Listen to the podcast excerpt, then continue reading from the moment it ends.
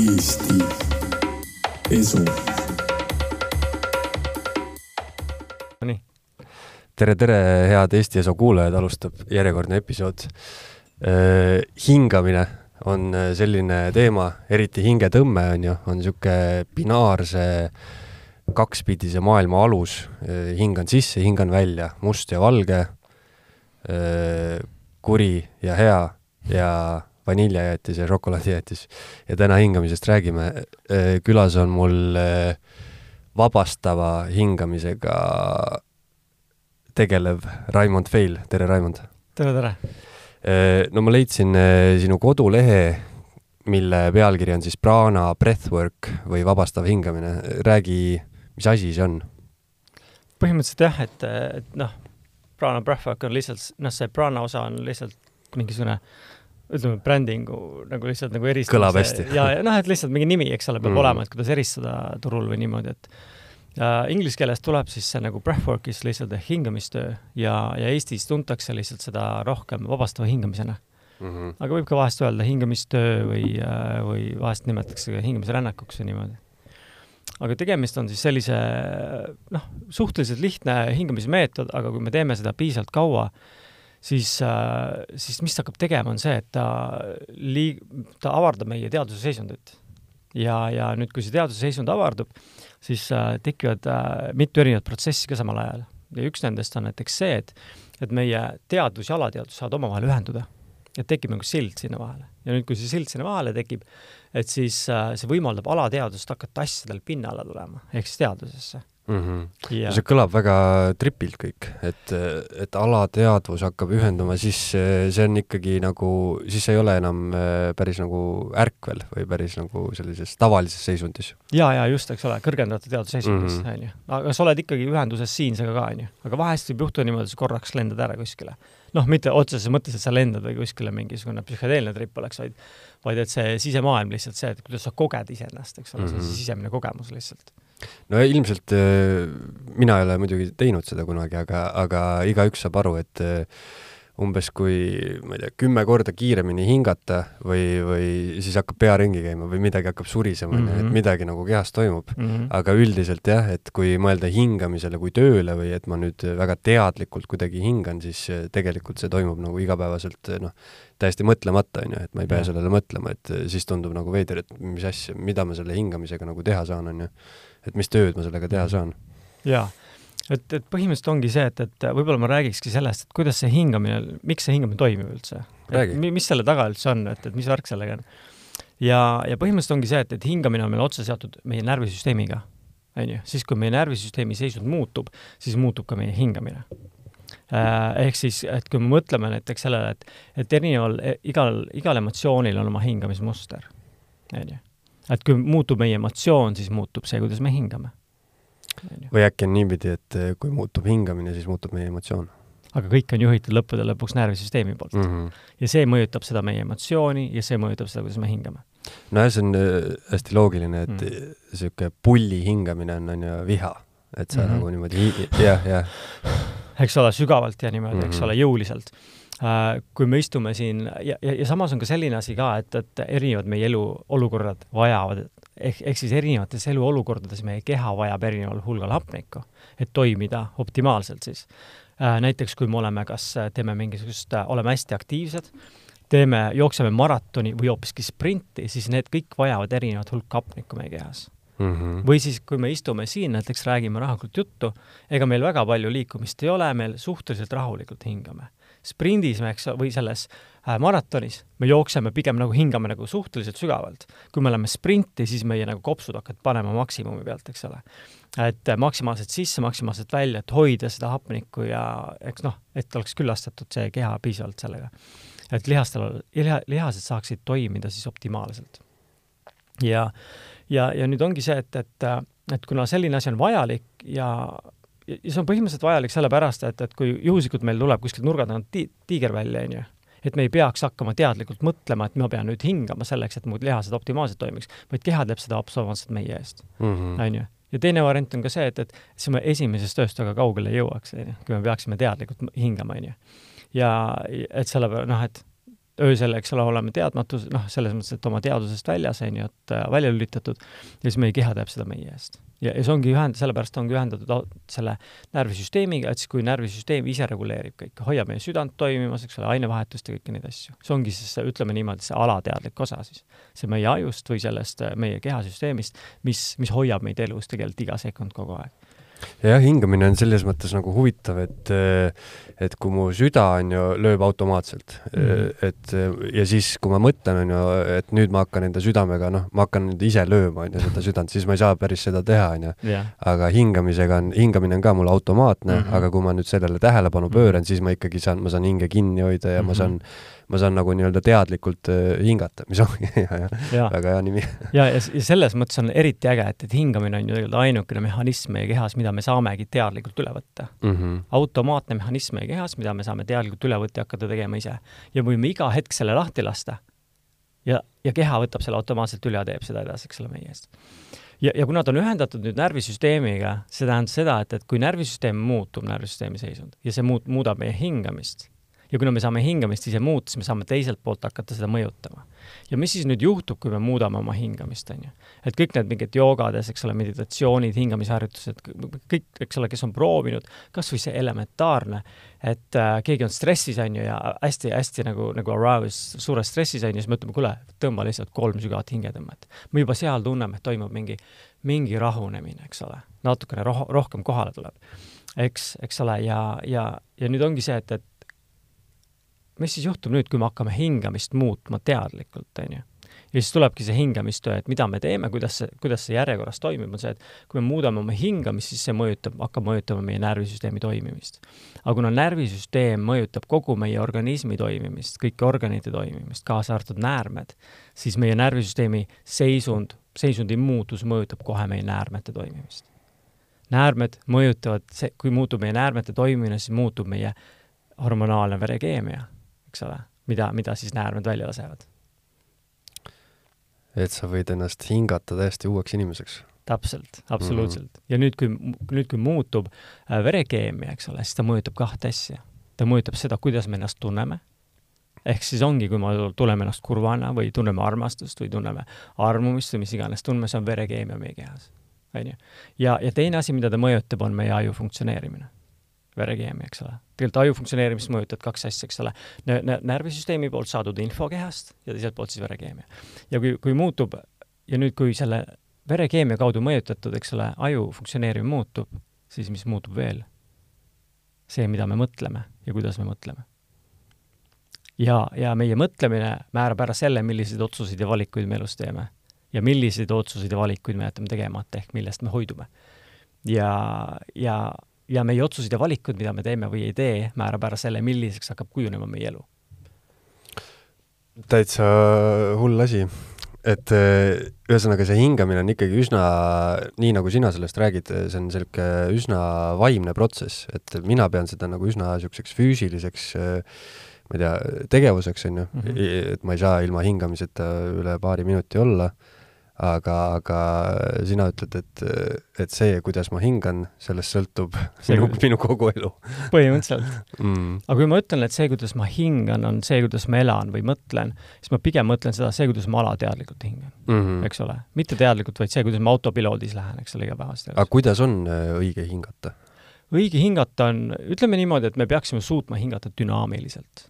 mida mis see tähendab see tähendab seda, et me suudame hingata siit põhjalihasest kuni kopsude ülesse välja. igate moodi, sügavalt ja madalalt, igat, igas, suuta hingata rindkeresse kui ka kõhtu mm. -hmm. me teame, et eks ole, mõned meist, eks ole, rong-, hingavad võib-olla rohkem rindkeresse, eks ole, mõned võib-olla rohkem kõhtu, eks ole, aga võib-olla ainult rindkeresse või kõhtu. mõned hingavad igale poole, mõned hingavad võib-olla sügavamalt, teised võib-olla madalamalt, on ju.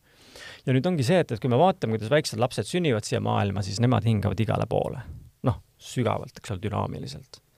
ja, ja, ja, ja mis siis hakkab juhtuma, on see, et läbi elu toimuvad sündmused, mis siis, mis siis tõmbavad mingisugused piirkonnad kinni, ehk siis emotsioonid, on ju, et ei lubata midagi kogeda, ei lubata midagi väljendada. lapsed on liiga rõõmsad kuskil, eks ole, olge, olge tasa nagu, vähem rõõmsad. siis see tegelikult, mida see sõnum on ju lapsele see, et ära ole rõõmus, on ju, ja mida siis tehakse, eriti kui sellele järgneb karistus, siis on, siis on, siis tekib see Pavlovi koera efekt, on ju kui ma tunnen rõõmu, siis ma saan karistada, kui seda mitu korda järjest toimub. siis ta lõpuks ütleb, okei okay,, ei ole turvaline tunda rõõmu, ei tu-, turvaline olla rõõmus. On ju, ja, ja, ja siis, ja siis, siis ei tule karistust ka, on ju ja siis nüüd ongi, see tõmmatakse alateadvusesse kinni, aga see hoidmine jääb kehasse füüsiliselt, lihastesse, eks ole. Mm -hmm.. vaata, on ju.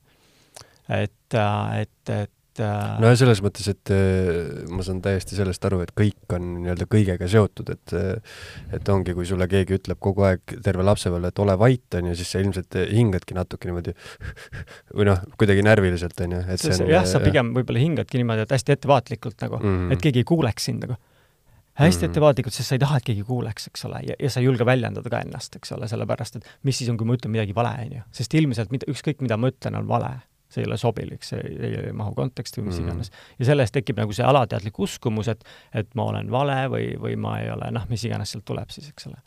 kas see, see, kuidas inimesed hingavad, see sõltub äh, soost ka kuidagi, et kas meestel nagu käib kõht niimoodi hingates ja naistel käivad rinnad? Et kas sellest nagu oleneb kuidagi või on see täiesti tead, see, see on, see on täiesti erinev mm. -hmm. ma olen, oma, oma töö nagu käigus olen märganud seda, et, et see on täiesti kaootiline, nii meestel kui naistel on äh, mõlemaid variante esineb ja, ja see on kaootiliselt läbisegi. ja kõik see sõltub pigem sellest, et, et kuidas see kasvamine on olnud läbi, läbi lapsepõlve ja kogu selle, noh, ütleme siis tänapäevani mm -hmm. välja, eks ole, et, et ja, ja, ja jah, et ta, ta lõpuks läheb nagu selle emotsioonide kinni, allasurumise peale nagu, et eks ole. ja, ja nüüd, kui need emotsioonid surume kinni kuskile, siis nad noh, sellises esoteerilises viisis või niimoodi me ütleme, et, et mingid erinevad emotsioonid suru-, noh, lähevad kuskile erinevatesse kehapiirkondadesse kinni. ehk siis tekib kaitse sinna.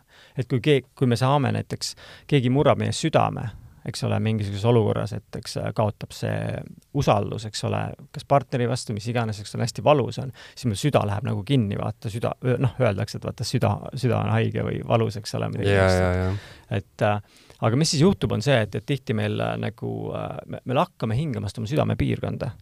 Tihti, eks ole, kui me oleme kogenud sellist äh, armastuse hülgamist ja nii edasi, siis me ei julge enam siia väga hingata sisse, siis me tunneme, et okei okay,, kui ma hakkan hingama siia, siis tegelikult tekib ebamugav tunne on ju, kui ma hingan sinna, kus ma pole harjunud pikalt hingama. ja see ebamugav tunne ongi see, et midagi sees hakkab liikuma. ja kuna, kuna me püüame siin ühiskonnas, eks ole, tänapäeval, püütakse alati kõigest ju nagu ära hoida kõike negatiivset, kõik, mis vähegi haiget teeb, on ju. mis see tähendab seda, et me ei saagi endale sinna sisse minna, seda tegelikult korda teha.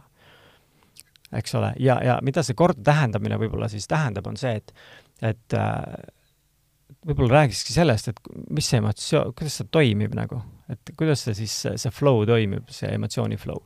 et põhimõtteliselt emotsioon on, on, emotsioon koosneb füüsilistest tundmustest kehas. ja, ja kõige selle aluseks on see, et meie alateadvus kommunikeerib meie teadvusega läbi füüsiliste tundmuste, on ju. kui me räägime liblikad, füüsiline tundmus, ärevus, füüsiline tundmus, hirm kehas, tunne füüsiline tundmus, eks ole. intuitsioon, eks ole, samuti mingi füüsiline aim, mingi kehaline tunne, eks ole. rõõm, kõik need on tegelikult füüsilised tundmused. ja nüüd ongi see, et, et ja, ja need füüsilised tundmused äh, siis panevad meid kuidagi tundma või kuidagi ennast või noh, ütleme, tegutsema ja, ja käituma, tegutsema, väljenduma, eks ole. ja kui me vaatame kõrvalt, ahah, me oleme otsustanud, et selline käitumisviis või selline olemine tähendab seda emotsiooni see on rõõm, eks ole, kui me naerame rõkkavalt ja kõik on tore, eks ole, et, et siis noh, et selles mõttes, et suu, suu on nagu ülespoole, siis me nimetame seda rõõmuks, eks ole, ja ja, ja midagi nimetame armastuseks, mingit tunnet ja nii edasi, eks ole. et see on lihtsalt kommunikatsioon meie teadvuse jaoks, selleks, selleks neokorteksi osaks, eks ole. ja, ja siis see emotsioon, eks ole, et kuna alateadvus skännib sajaprotsendiliselt kogu, noh, kogu aeg, kakskümmend neli seitse meie ümbruskonda, sealt ta saab mingeid vihjeid, infot ja siis ta kommunikeerib seda teaduse läbi füüsiliste tundmuste, on ju. ja, ja nüüd on see füüsiline tundmus tuleb peale ja oh, ma unustasin ära korraks selle, et, et mis see algküsimus oli vot ma ka enam ei mäleta aga ma saan, ma saan selles mõttes äh, jah, et äh, kui ma ütlen, äh, ma ei tea, mingi hirm või viha või asi, on ju, mm. et siis see on meie abstraktne nagu välja mõeldud mõiste sellele tundmusele, on ju, et ja. ilmselgelt kõik mm, -hmm. kõik need tunded on või noh, see see on ka see, et eh, ma ei saa nagu mõistuses seda välja lülitada, et mm. ma nüüd enam ei ole vihane, on ju. ja, ja et see, see on, see on see ta on automaatne mm -hmm. ja see Mhm. ongi see alateadlik süsteem, mis on automaatne meil kehas, eks ole Mhm. et, et teaduse selles, ehk siis selle neokortekse analüütiline mõtlemine, seal on see, me saame tahtlikult muuta midagi või mitte. aga see, mis kõik asub meil alateadvuses, ehk siis ma näitan, eks ole, oma pea alaosale, mis tähendab seda, et see on limbiline süsteem, ehk siis emotsiooniaju ja siis see brainstem inglise keeles, see aju kõige madalam osa, on ju. Et need on nagu see alateadvuse osad ja need on kõik automaatsed ja mehaanilised. aga ütleme, kui ma nüüd eh, kas saan ise aru või ma ei tea, naine kodus ütleb, et, et sa oled kogu aeg ilgelt vihane, onju. ja, ja siis, siis ma tulen sinu juurde ja tahan nagu hingamisega sellest eh, kuidagi vabaks saada. et eh, mida sa mind tegema paned? mida ma siit tegema panen või?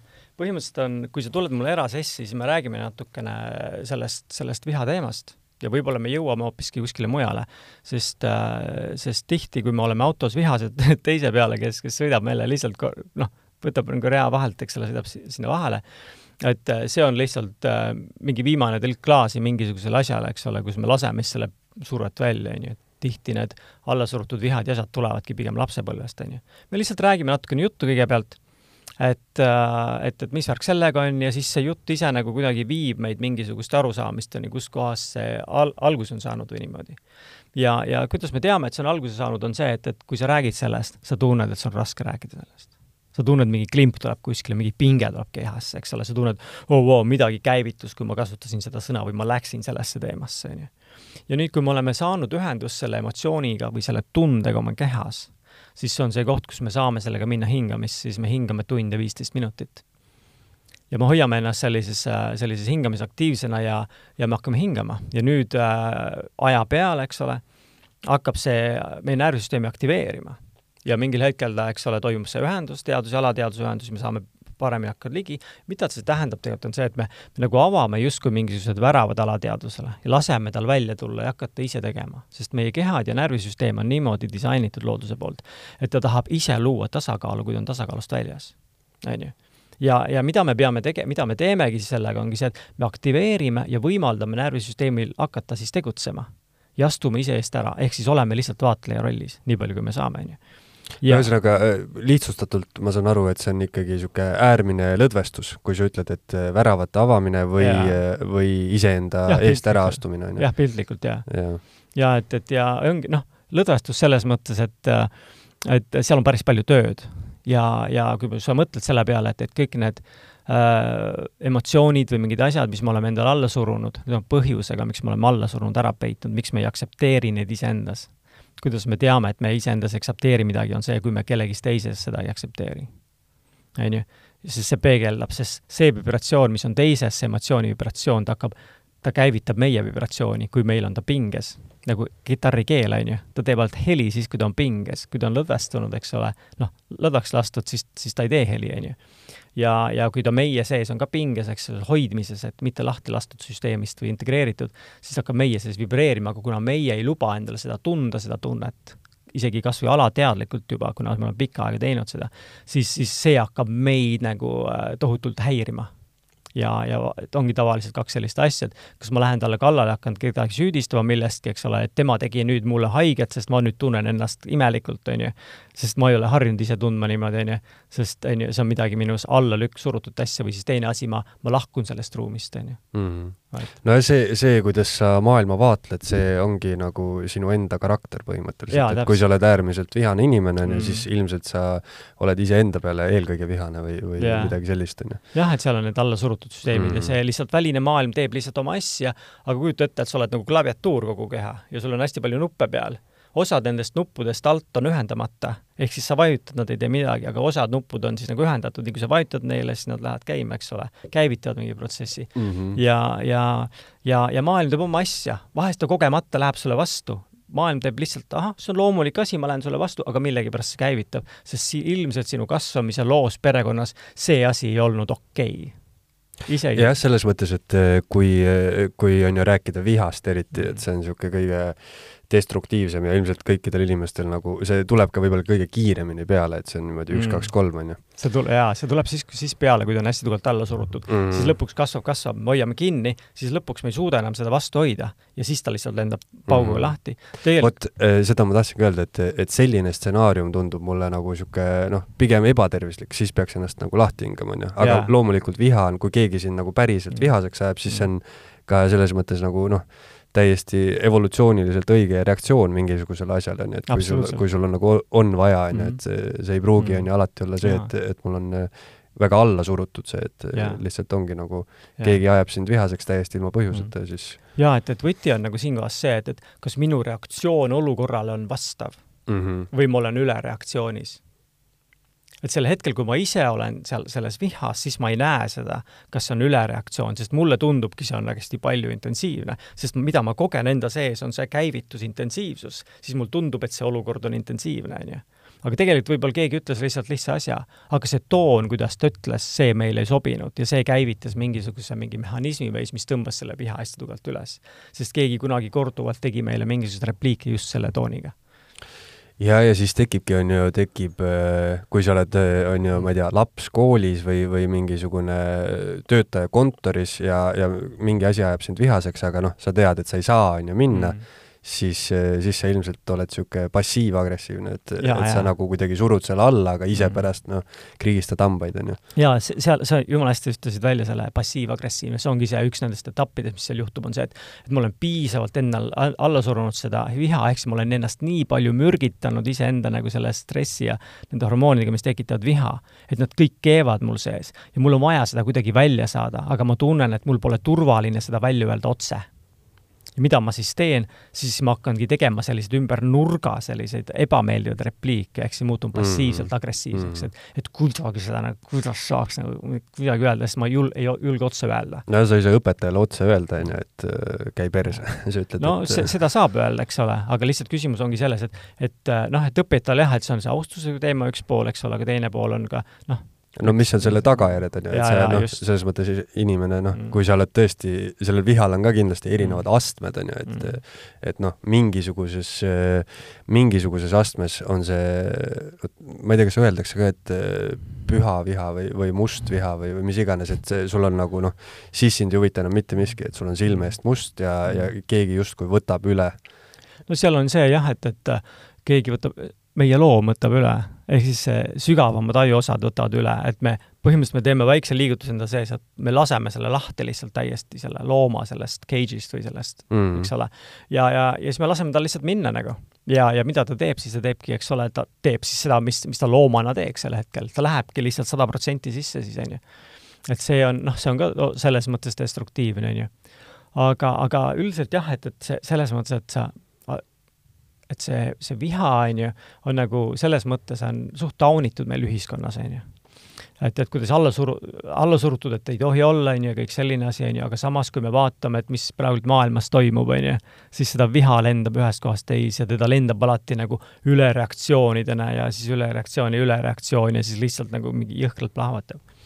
aga viha nagu originaalpõhjus, miks ta meil kehas üldse on, et sellest polegi nagu võimalik selles mõttes lahti saada või, et ei olegi vaja aga ta mängib sellist rolli, et ta on meil piiride kaitseks. et millal loom läheb kurjaks? siis, kui sa lähened ta territooriumile, on ju. või võtad, hakkad tema toitu võtma, eks ole, sa ületad tema piire, kas füüsilisi või siis mõttelisi, on ju. ja sama on ka meil inimestel, et äh, loomulik, äh, loomulik reaktsioon vihale on see, kui keegi ületab meie piire on ju, täpselt ongi, kas see füüsiline piir, näiteks pätt tuleb sinu terri-, noh, mitte pätt, vaid noh, keegi tuleb sinu territooriumisse, tundub, kuule, et see ei ole okei okay. ja sinu reaktsioon, esimene see viha reaktsioon ongi see, aa, kuule, see ei ole okei okay.. ma kõnetan sind otse ja konkreetselt, on ju. ja kui sellele ei vastata, siis, äh, siis, siis vastavalt sellele natukene tõuseb see viha, on ju, mitte niimoodi läheb sajast või mm. nullist sajani kohe, on ju. et ma olen valmis sind kohe maha laskma või midagi niisugust, eks ole, et see on juba ülereaktsioon selles mm -hmm. mõttes, siin on juba trauma tegelikult taga, mis, mis lihtsalt see inimene lihtsalt mingi millegi käiviti, mida ma siis nagu hakkan ja, ja, ja selles mõttes jah, et see, see viha on nagu kaitse, eks ole, ja, ja kui me kasutame sõna viha, siis ähm,, siis äh, jah, et need madalamad niisugused nõndanimetatud vihatoonid, kui ta on kümne protsendi peal või niimoodi, et siis ta ei tundugi tihti viha, vaid ta on selline nagu, nagu assertiveness inglise keeles, ma ei tea, kuidas see eesti keeles võiks olla, et niisugune nagu sihikindlus või Jah, mingi et- otsene või midagi? jaa, kuidagi otsekohaselt või niimoodi meelekindlalt nagu paned paika Mm. mm., jah, see on niimoodi kõik, eks ole, et, et siit, siit edasi ei tule, on ju. Või ka nagu igapäevaelus, eks ole, ka, et, et äh, mõttelised, eks ole, need piirid, on ju, et mm., et Mm. kui keegi ületab, et teeb mingeid asju, mis kuule, et, et see ei ole okei okay, nagu tegelikult. selles mõttes jah, et sul on äh, õigus, et seda üritatakse kuidagi jube alla suruda nagu noh, suuremas plaanis Mhm. ka, on ju, et äh, kõik peab olema hästi tore alati mm, igasugune, ma ei tea, mingi natukene hääle tõstmine on kohe taunitud, on ju, jaa, et noh, kui sa natuke tõstad häält, siis inimene juba ütleb, mida sa karjud, on ju. ja, ja täpselt ülereaktsioon, miks sa karjud, on ju. Et noh, et aga eh, tulles nüüd tagasi, et ma olen see vihane tüüp, tulin sinu juurde, rääkisime ära ja siis Mhm. sa paned mind eh, tund ja viisteist minutit hingama, kas see hingamine on eh, selles mõttes kuidagi, kas seal on mingi tehnika ka või ma pean lihtsalt rahulikult hingama?, ja siin on konkreetne tehnika äh, mida me teeme ja ta on hästi lihtne tegelikult olemuselt ja siis me lihtsalt öö, pumpame nagu. On kuidas see tehnika on, kas see on mingi kindlalt eh, hinga kolm korda sisse, kolm korda välja ei, see on järjepidev, ütleme niimoodi, et on ühendatud hingamine ja, ja sügavalt. mm? -hmm. kogu aeg sügavalt sisse ja sügavalt välja, et sügav lahti laskmine. kodus ise nagu proovima, katsetama, noh, omal vastutusel, sest äh, seal võivad suhteliselt äh, hästi, hästi võimsad kehalised reaktsioonid võivad tekkida ja ja, ja, ja kui äh, noh, ütleme niimoodi, et üldiselt soovitatakse, et alguses teha kümme, vähemalt kümme sessi juhendajaga. ja see on põhjusega, miks juhendajaga, et kui, kui sa satud mingisse väga intensiivsesse kohta oma kehas, sa ei oska sealt välja tulla sel hetkel, eks ole, ja, ja siis see juhendaja oskab sind ilusti välja juhendada turvalisel viisil, et sa tuled mõnusalt maandud, eks ole, mitte ei tule kolinal alla, eks ole. et ei tekiks suurt traumat. kuidas see, et selles mõttes, kui ma, on ju, hingan nüüd kodus üksinda mm. -hmm. üritan ikkagi vastupidiselt sinu soovitusele teha seda, on ju. Ja, ja ma ei tea, satun mingisse kohta, siis ma lihtsalt lõpetan sügavalt hingamise ära või tõusen püsti. mulle tundub see nagu nii lihtne. jaa, on ju. kui sa mõtled nüüd äh,, mõt-, meenuta endale näiteks kõige intensiivsem äh, olukord oma elus praegult. kõige intensiivsem? näiteks kõige intensiivsem. see on hea küsimus. kas sa sel hetkel suutsid mõelda midagi väljaspool seda, seda, seda kogemist? Nojah, ilmselt on need seotud eh, selle fight or flight'i eh, asjaga, onju, et siis, siis sa ei mõtle mitte midagi. sul on analüütiline on kinni, sa ei mäleta seda, mida sa pead tegema ja kuna sa oled kõrgendatud teadvusseisundis, siis ja, ja sa oled selles nagu pikemat aega olnud, on ju, siis see tunne tuleb sul peale sul on niisugune tunne tavaliselt, et fuck, ma nüüd jäängi sellesse, see ongi nüüd lõpp. et kui ma siit, siit nüüd sammu edasi teen, siis on kõik pekkis, aga ma ei oska siit välja tulla. sest ma jätkan hingamist, sest ma olen juba automaatikas mm. -hmm. sisse läinud. No see kõlab ikkagi nagu äh, LSD trip. on ka niimoodi kirjeldatud seda vahest. aga siis saab selle ikkagi täiesti ilma igasuguste aineteta, saab nagu teatava niisuguse täiesti teadvuse seisundi muutuse Jaa. esile kutsuda ainult Jaa. hingamisega, onju. jaa, absoluutselt. sellepärast, et lõpuks, mida need eh, ained teevad, näiteks LSD-d või mis iganes need on, nad ju muudavad meie verekeemiat. on ju? ja mm. -hmm. ja, ja läbi selle muudavad siis aju toimimist. On ju, teatud, teatud piirkonnades, eks ole, siis mm -hmm. aju Mhm. hakkab toimima teistmoodi, uued neuroloogilised ühendused.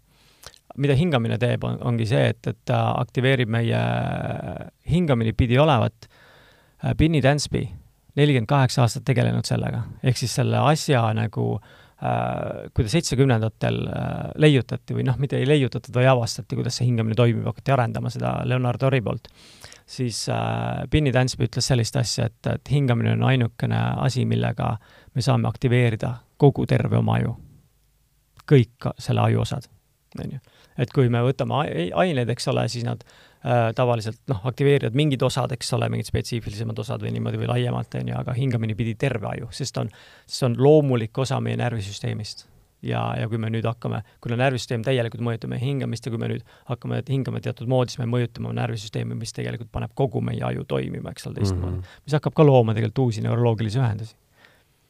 jah, magades ju eh, mulle tundub, et inimene hingab ka sügavamalt, vähemalt pulss on ju langeb, sul noh, kogu Mhm. keha on ka lõdvestunud mm. ja siis äh, nii palju ma olen näinud mingisuguseid ajupilte, et mm. -hmm. magades aju tegelikult särab, on ju. Mm -hmm. et kui me praegu siin ärkvel oleme, siis ongi mingisugused täpid käivad natu- mm. -hmm. natukene, on ju, aga Jaa. magades on, sa oledki täielikult alateadvuses, siis mm -hmm. sul on Mhm. nagu kõik töötab, on ju. ja sest alateadvus saabki ennast hakata reguleerima mm. Mm., korrastama ennast, eks ole, no õppimisprotsess ja kõik Jaa, on ju, käib jaa, magades jaa. ikkagi. taastamine, kõik see käib, eks ole, sealtkaudu ja, ja kuna ei ole seda teadvust, mis seal kogu aeg on nagu, nagu, nagu, nagu, nagu siiberdab kogu aeg meil ees ja segab, takistab kõike, on ju, kuna see on siis nagu offline'i pandud mm. -hmm. et siis süsteem saab iseennast nagu hakata toimetama nüüd ja asju tegema, jaa. siis karastama.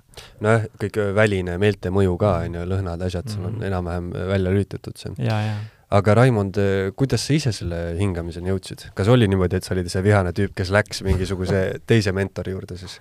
Ei, mul oli teistmoodi, mul oli, mul olid, mul olid pigem äh, emotsioonid kõik kinni lükatud ja, ja pigem nagu seda äh, jah, et aga mul oli niimoodi, et see oli aasta kaks tuhat üheksateist, ma olin, november oli äh, ja ma otsustasin minna Balile mm, talve veetma. ja, ja siis äh, kuskil jaanuaris, noh, mul üks seal naaber on ju, kelle juures noh, jagad seal seda, seda guest house'i või niimoodi. Ja, ja siis ütles, et kuule, noh, tollal ma tegelesin ise Wim Hofi hingamisega mm? -hmm. igapäevaselt ja, ja siis äh, üks naaber ütles, et kuule, et sa tegeled sellega, et kuule, siin on ka üks tüüp, kes, kes teeb mingit hingamist, onju. ja siis mul oli ka niimoodi, noh, ma ei tea nagu, et noh, et Wim Hof on juba päris, päris võimas, et, et mi- mis sellest võiks veel olla võimsam, eks noh, et ei kujuta ette, ei osa üldse, ei osanud üldse ette kujutadagi seda. ja, ja siis võttis mul mingi kaks-kolm nädalat aega, et, et nagu hoogu võtta või niimoodi, siis ma mõtlesin, et okei okay,, aga proovime ära nagu. ja siit sellest, onju, et et äh, lähme ja proovime ära, niikuinii katsetasin seal erinevaid asju, et korra võib ära teha, onju Läksin siis sinna kohale, tegin selle privasessi ära, ma tegin lühikese, ma tegin neljakümne minutise rännaku seal. ja kui ma sellest välja tulin, siis mul oli niimoodi, et nagu what the fuck, mis, mis just praegult juhtus, eks ole. selline täiesti mind-blown kogemus, on ju. Ja, ja oli ka niimoodi, et kuna ma olen noh, varemalt, eks ole, ayahuasca tseremooniatel käinud, siis mul oli nagu selles mõttes mingisugune kõrgendatud meeleseis, seisundi ja selle, selle koha pealt nagu võrdlus Mm -hmm. ja mul sel hetkel tulid esim-, noh, ühed esimestest sõnadest tuli välja see, et fuck, see on parem kui ayahuasca. mm -hmm. sellepärast on nii palju puhtam, sa lähed süsteemi sisse, sa võtad selle asja, sa võtad välja ja ongi korras. Et ayahuascas sa lihtsalt, sa pead logisema kaasa kõik need üheksa tundi, eks ole, mis sa öö läbi paned seal ja, ja kui sa ühest toru otsast sisse lähed, siis sa saad alles välja siis, kui sul teine ots on käes, eks ole, et, et vahepeal välja ei saa minna, on ju. ja aga sellega on niimoodi, et sa saad ise kontrollida täiesti, et et tahad, et vähem aktiivsust, noh, vähem aktiveeriks, hingad vähem, on ju, ja, ja nii edasi, et see kõik on sinu kontroll, enda käes on see kontroll tegelikult samaaegselt. ja, ja, ja siis oli nii, et, et see, see tüüp, kes mulle selle sessi tegi, siis ta ütles, et kuule, et mul on täna õhtul üks talk, et räägin sellest ühes uh, co-working space'is, et tule kuulama. ja siis ma läksin sinna kuulama ja siis, mis, mis ta rääkis seal, siis ta rääkiski, rääkis emotsioonidest, kuidas need toimivad, närvisüsteemist, kuidas see toimib. rääkis traumadest, nende funktsionaalimisest, rääkis hingamisest ja, ja ma kuulasin seda ja need on kõik nagu teemad, mis mind on ennast nagu varem huvitanud, aga no minu jaoks olid nad nagu eraldi mullides nagu hõljusid nagu eraldiseisvad maailmad, millel ei olnud ühendust ja mis noh, olid lihtsalt. aga ta tõi need kõik kokku ühte terviklikku süsteemi, kuidas need toimivad meie sees. ja see nagu tõi hästi palju nagu pusletükki minu jaoks koha, kokku nagu oh vau wow,, nagu mis mõttes nagu ja, ja sel hetkel ma teadsin kohe, et ma, ma hakkan kindlasti seda tegema iganädalaselt, siis ma hakkasingi käima iga nädal seal ringides, eks ole, grupi hingamistes ja võtsin veel mõned privasessid, aga pikemad, on ju, tund, tunni viieteistkümne minutised, eks aeg, või noh, kahe, no kahetunnine on siis see täis, täis see, on ju, ja siis hingasime sealt läbi ja siis seal oli ka niimoodi, ma kogesin mingisuguseid suhteliselt kiiresti tundsin, oh vau wow,, mingid asjad hakkasid kehas teistmoodi tööle niimoodi. ja siis läks paar nädalat, paar, äkki, äkki kaks-kolm nädalat mööda ja, ja siis tekkis võimalus minna retriidile nädalasele, kus me vist viie päeva jooksul hingasime kümme sessi Ho. iga hommik-õhtu, hommik-õhtu, hommik-õhtu. ja see, noh, seal nagu see nagu kuidagi nagu, nagu noh, nagu piles up või kuidas see eesti keeles võiks olla nagu, et äh, nagu, nagu üksteise otsa, eks ole, kasvab see intensiivsus ja see, ja kui ma sealt välja tulin, siis mul oli niimoodi, ma sõidan nagu skuutriga ringi ja vaatan, et täitsa pekkis, mis toimub nagu, et maailm on nagu nii teistmoodi, et kõik on nagu nii rohkem 3D, nagu rohkem päris. värvid on erksamad, lõhnad on nagu nii rohkem tugevamad, eks ole, et, et endas on olemine on nagu lihtsalt nagu hõljud, hästi kerge, eks ole, et, et mingid loomingulisus on hästi lahti kogu aeg, mõtted, ideed tulevad. Mul niimoodi, et kunagi on äh, mitu korda lõhk-, lõhkunud oma vasakut rannet mootorrattaga, siis sellest on jäänud nagu selline nagu hirm sisse, et ei julge nagu, nagu noh, pööretel sõit, pöörata, eks ole, et, et mm. on alati niisugune kuklas on niisugune hoiab, eks ole, et pinges oled, kui pöördesse, noh, pööretesse lähed või või, äh, või, või mingid muud sellised, sõitmine hästi-hästi ettevaatlik ja siis ma järsku mingi sõidan ka seal ja siis järsku tunnen, et vau, mis toimub, ma sõidan kuidagi teistmoodi, kuna seal liiklus toimub kõik skuuteritega, on ju, et sõidad ringi. Siis ma järsku vaatan, vau, vau, ma sõidan nagu nii palju julgemalt äh, kurvides ja üldse nagu igatepidi, eks ole. et see, see hirm oli kuklast ära pühitud nagu, et see oli ära kadunud et, et selle, selles, mis sellest avariist oli tekkinud ja mis tähendas seda, et mul oli nii palju lihtsam ja mõnusam kulgeda, eks ole ja, ja see, kui ma sellest retriidist välja tulin, siis ma teadsin, et ma tahan kindlasti seda õppima hakata. Ja, ja siis oligi nii, et äh, hakkasin kohe uurima, et mis on need õppimisvõimalused õpetajaga, eks ole, see oli, tegelikult see retriit, see nädalane retriit oli nagu esimese mooduli esimene pool, et seal oli viis moodulit kokku, on ju, seal koolitusel ja siis vaatasingi, okei okay,, et siis oleks pidanud mingi mais ja no siis, siis oli juba aasta kakskümmend kakskümmend, on ju. et äh, mais ja septembris oleks pidanud Kanadasse reisima, eks ole, kaheks nädalaks mõlemal korral ja niimoodi, et siis ma mõtlesin, okei okay,, ma olen valmis nagu investeeringuteks, kõikideks asjadeks, ma tahan seda õppida, nagu see on lihtsalt asi, on ju. Ja, ja noh, märtsi keskel, eks ole, tõmbas maailm lukku. kõik kinni, kõik koolitused tühistati täiesti. ja, ja siis äh, ja siis ma mõtlesin, okei okay,, et mis mis ma nüüd teen, eks ole, et leidsin nagu hästi ägeda asja, millega tegeleda, kuna see mind hästi palju aitas ja ja, ja siis äh, kolm päeva hiljem sellest hetkest, kui äh, kõik koolitused tühistati äh,, see tüüp siis, Edward Dangerfield äh,, saadab mulle sõnumi Whatsappi ja räägib, et kuule, et ma leidsin siin äh, ägeda retriitkeskuse siin kuskil džunglis, et äh, kui sa tahad, sul on võimalus tulla minuga õppima, et pühendumine vähemalt üks kuu alustame põhimõtteliselt paari päeva pärast. mul oli no questions nagu. paari päeva pärast olin teel sinna ja see venis meil kahe, kahekuiseks selliseks intensiivseks kinniseks konteineriks, kus me siis ise puha, ise hingasime hästi palju ja siis hakkasime õppima kogu seda protsessi ja kuidas juhendamist ja närvisüsteemi kõike seda mm -hmm.. okei okay,, sa kui nüüd mõelda sellele, et, et sa tood näite, et see on äh, lahedam kui ayahuasca või, või vähemalt sama intensiivne, on ju, siis äh, kunagi ma ise proovisin ka mediteerida, see kestis umbes kuu aega, ma proovisin tõesti igapäevaselt ja noh, see on puhas hingamine, et ma mm -hmm. ainult keskendusin hingamisele, on ju. ja võib-olla selle kuu aja jooksul ma ütleks, et eh, selline täielik eh, teadvuse kõrgenemine või selline hetk tekkis mul võib-olla kaks-kolm korda ja üheks-kaheks sekundiks mm. -hmm. et eh, kas seal hingamisel ei ole seda, et eh, no kas sa saad selle nii-öelda sisse lülitada alati niimoodi, et eh, kui ma võtan selle ayahuasca joogi, siis ma tean, et see hakkab mul tööle, on ju. Mhm. hingamisega, mul oli vähemalt see enda mediteerimiskogemusega oli see, et sa kunagi ei tea, kust see tabab, et sa pead lihtsalt tegema seda ütleme, regulaarset tööd ja siis see võib juhtuda, on ju. Mhm. ja, ja see tundus mulle selline, et noh, ma peaks võib-olla mingi kolmkümmend aastat mediteerima, et ma saaks nagu seda kontrollida niimoodi, et ma võin tõesti selle niimoodi esile kutsuda, on ju, sellise seisundi. aga ja. kuidas sinu kogemuse põhjal on? jaa, et, et äh, tavaliste meditatsioonidega ongi see värk, et seal võtab hästi palju praktikat selleks, et jõuda mingisuguste sügavamatesse teeta-seisunditesse, eks ole, mis on sügav meditatiivne seisund ja nii edasi selle hingamisega on niimoodi, et äh, mul õpetaja ehk siis Edward Dangerfield, talle, talle meeldib selline analoog, et tavaline hingamisharjutus ja meditatsioonid on nagu sellised nürid, tööriistad. et äh,, et äh, ehk siis see vabastav hingamine, see on nagu terav, terav nuga. et millega sa pääsed kohe ligi asjale ja väga täpselt, on ju. Mhm. et absoluutselt igal sessioonil äh, suhteliselt kiiresti ta viib meid kohe sellesse seisundisse aga mis siis, ütleme, eristab seda tavalisest medita-, meditatsioonist, et kui ma, kas see on aeg, et kui ma teeks tavalist meditatsiooni sama kaua, kaks tundi paneks järjest, mis on muidugi väga keeruline, ma proovisin seda juba kümme minti on ikka suht raske nagu. -hmm. aga, aga mis see nagu, mis see teeb selle mhm. teravaks? jaa, et äh, põhiline, põhiline erinevus seisneb selles, et tavaline meditatsioon on nõndanimetatud top-down, ülevalt alla ehk siis me meelega, eks ole, püüame vii-, ehk siis teadlikult meelega püüame muuta oma meele, meeleseisundit, on ju. ehk siis me püüame muuta meie alateadlikku süsteemi ja mis iganes, et see viib tegelikult, see viibki meid, eks ole, selle kõrgendatud teadusseisundisse.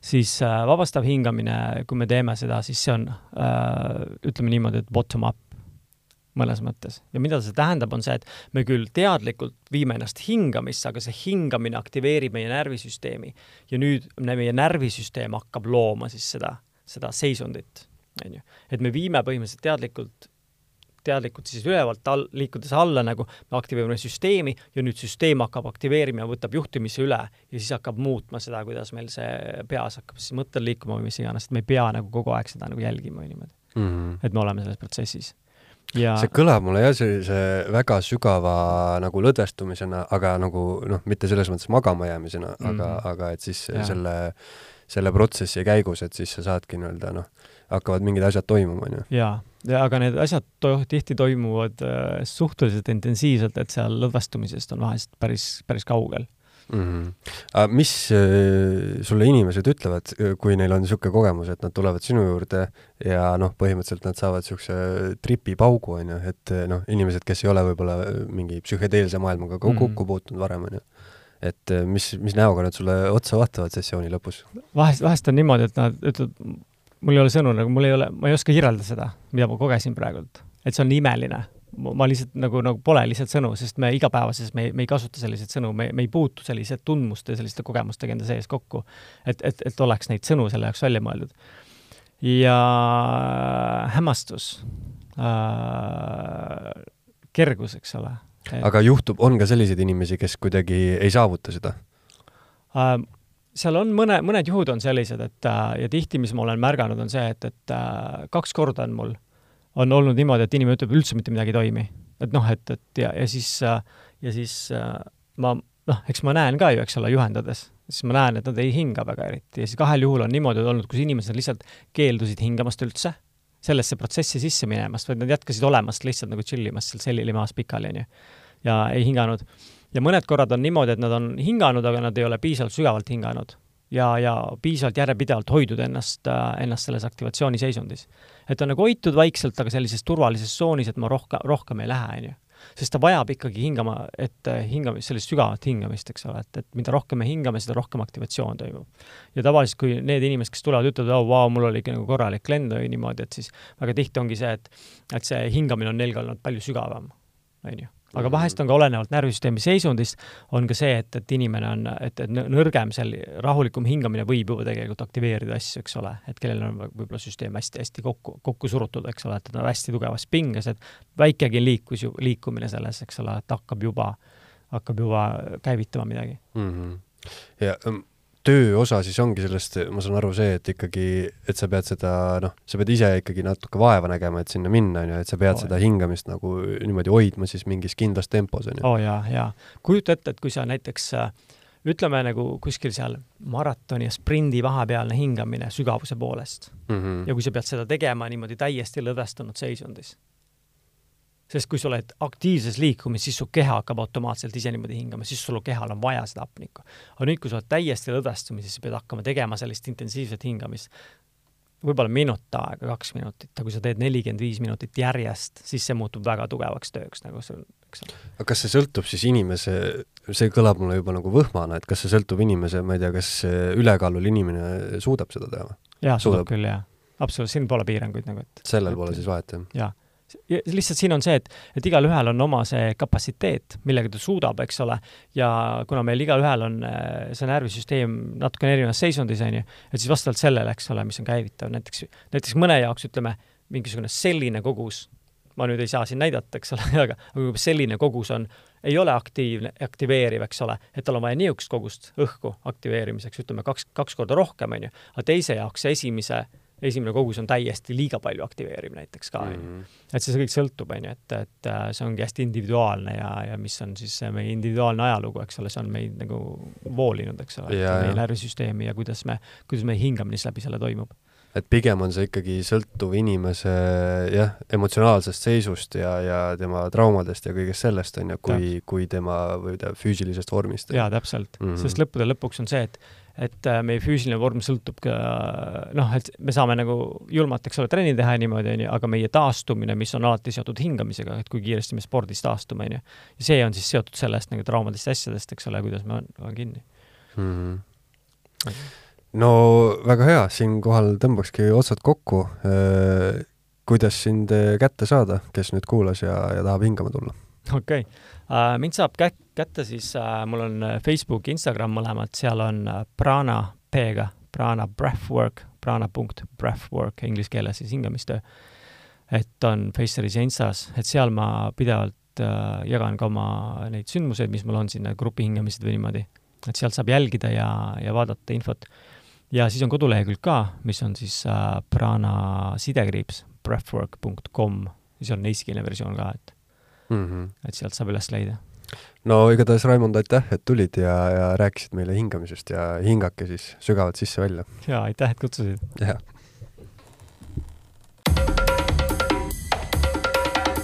Eesti Esu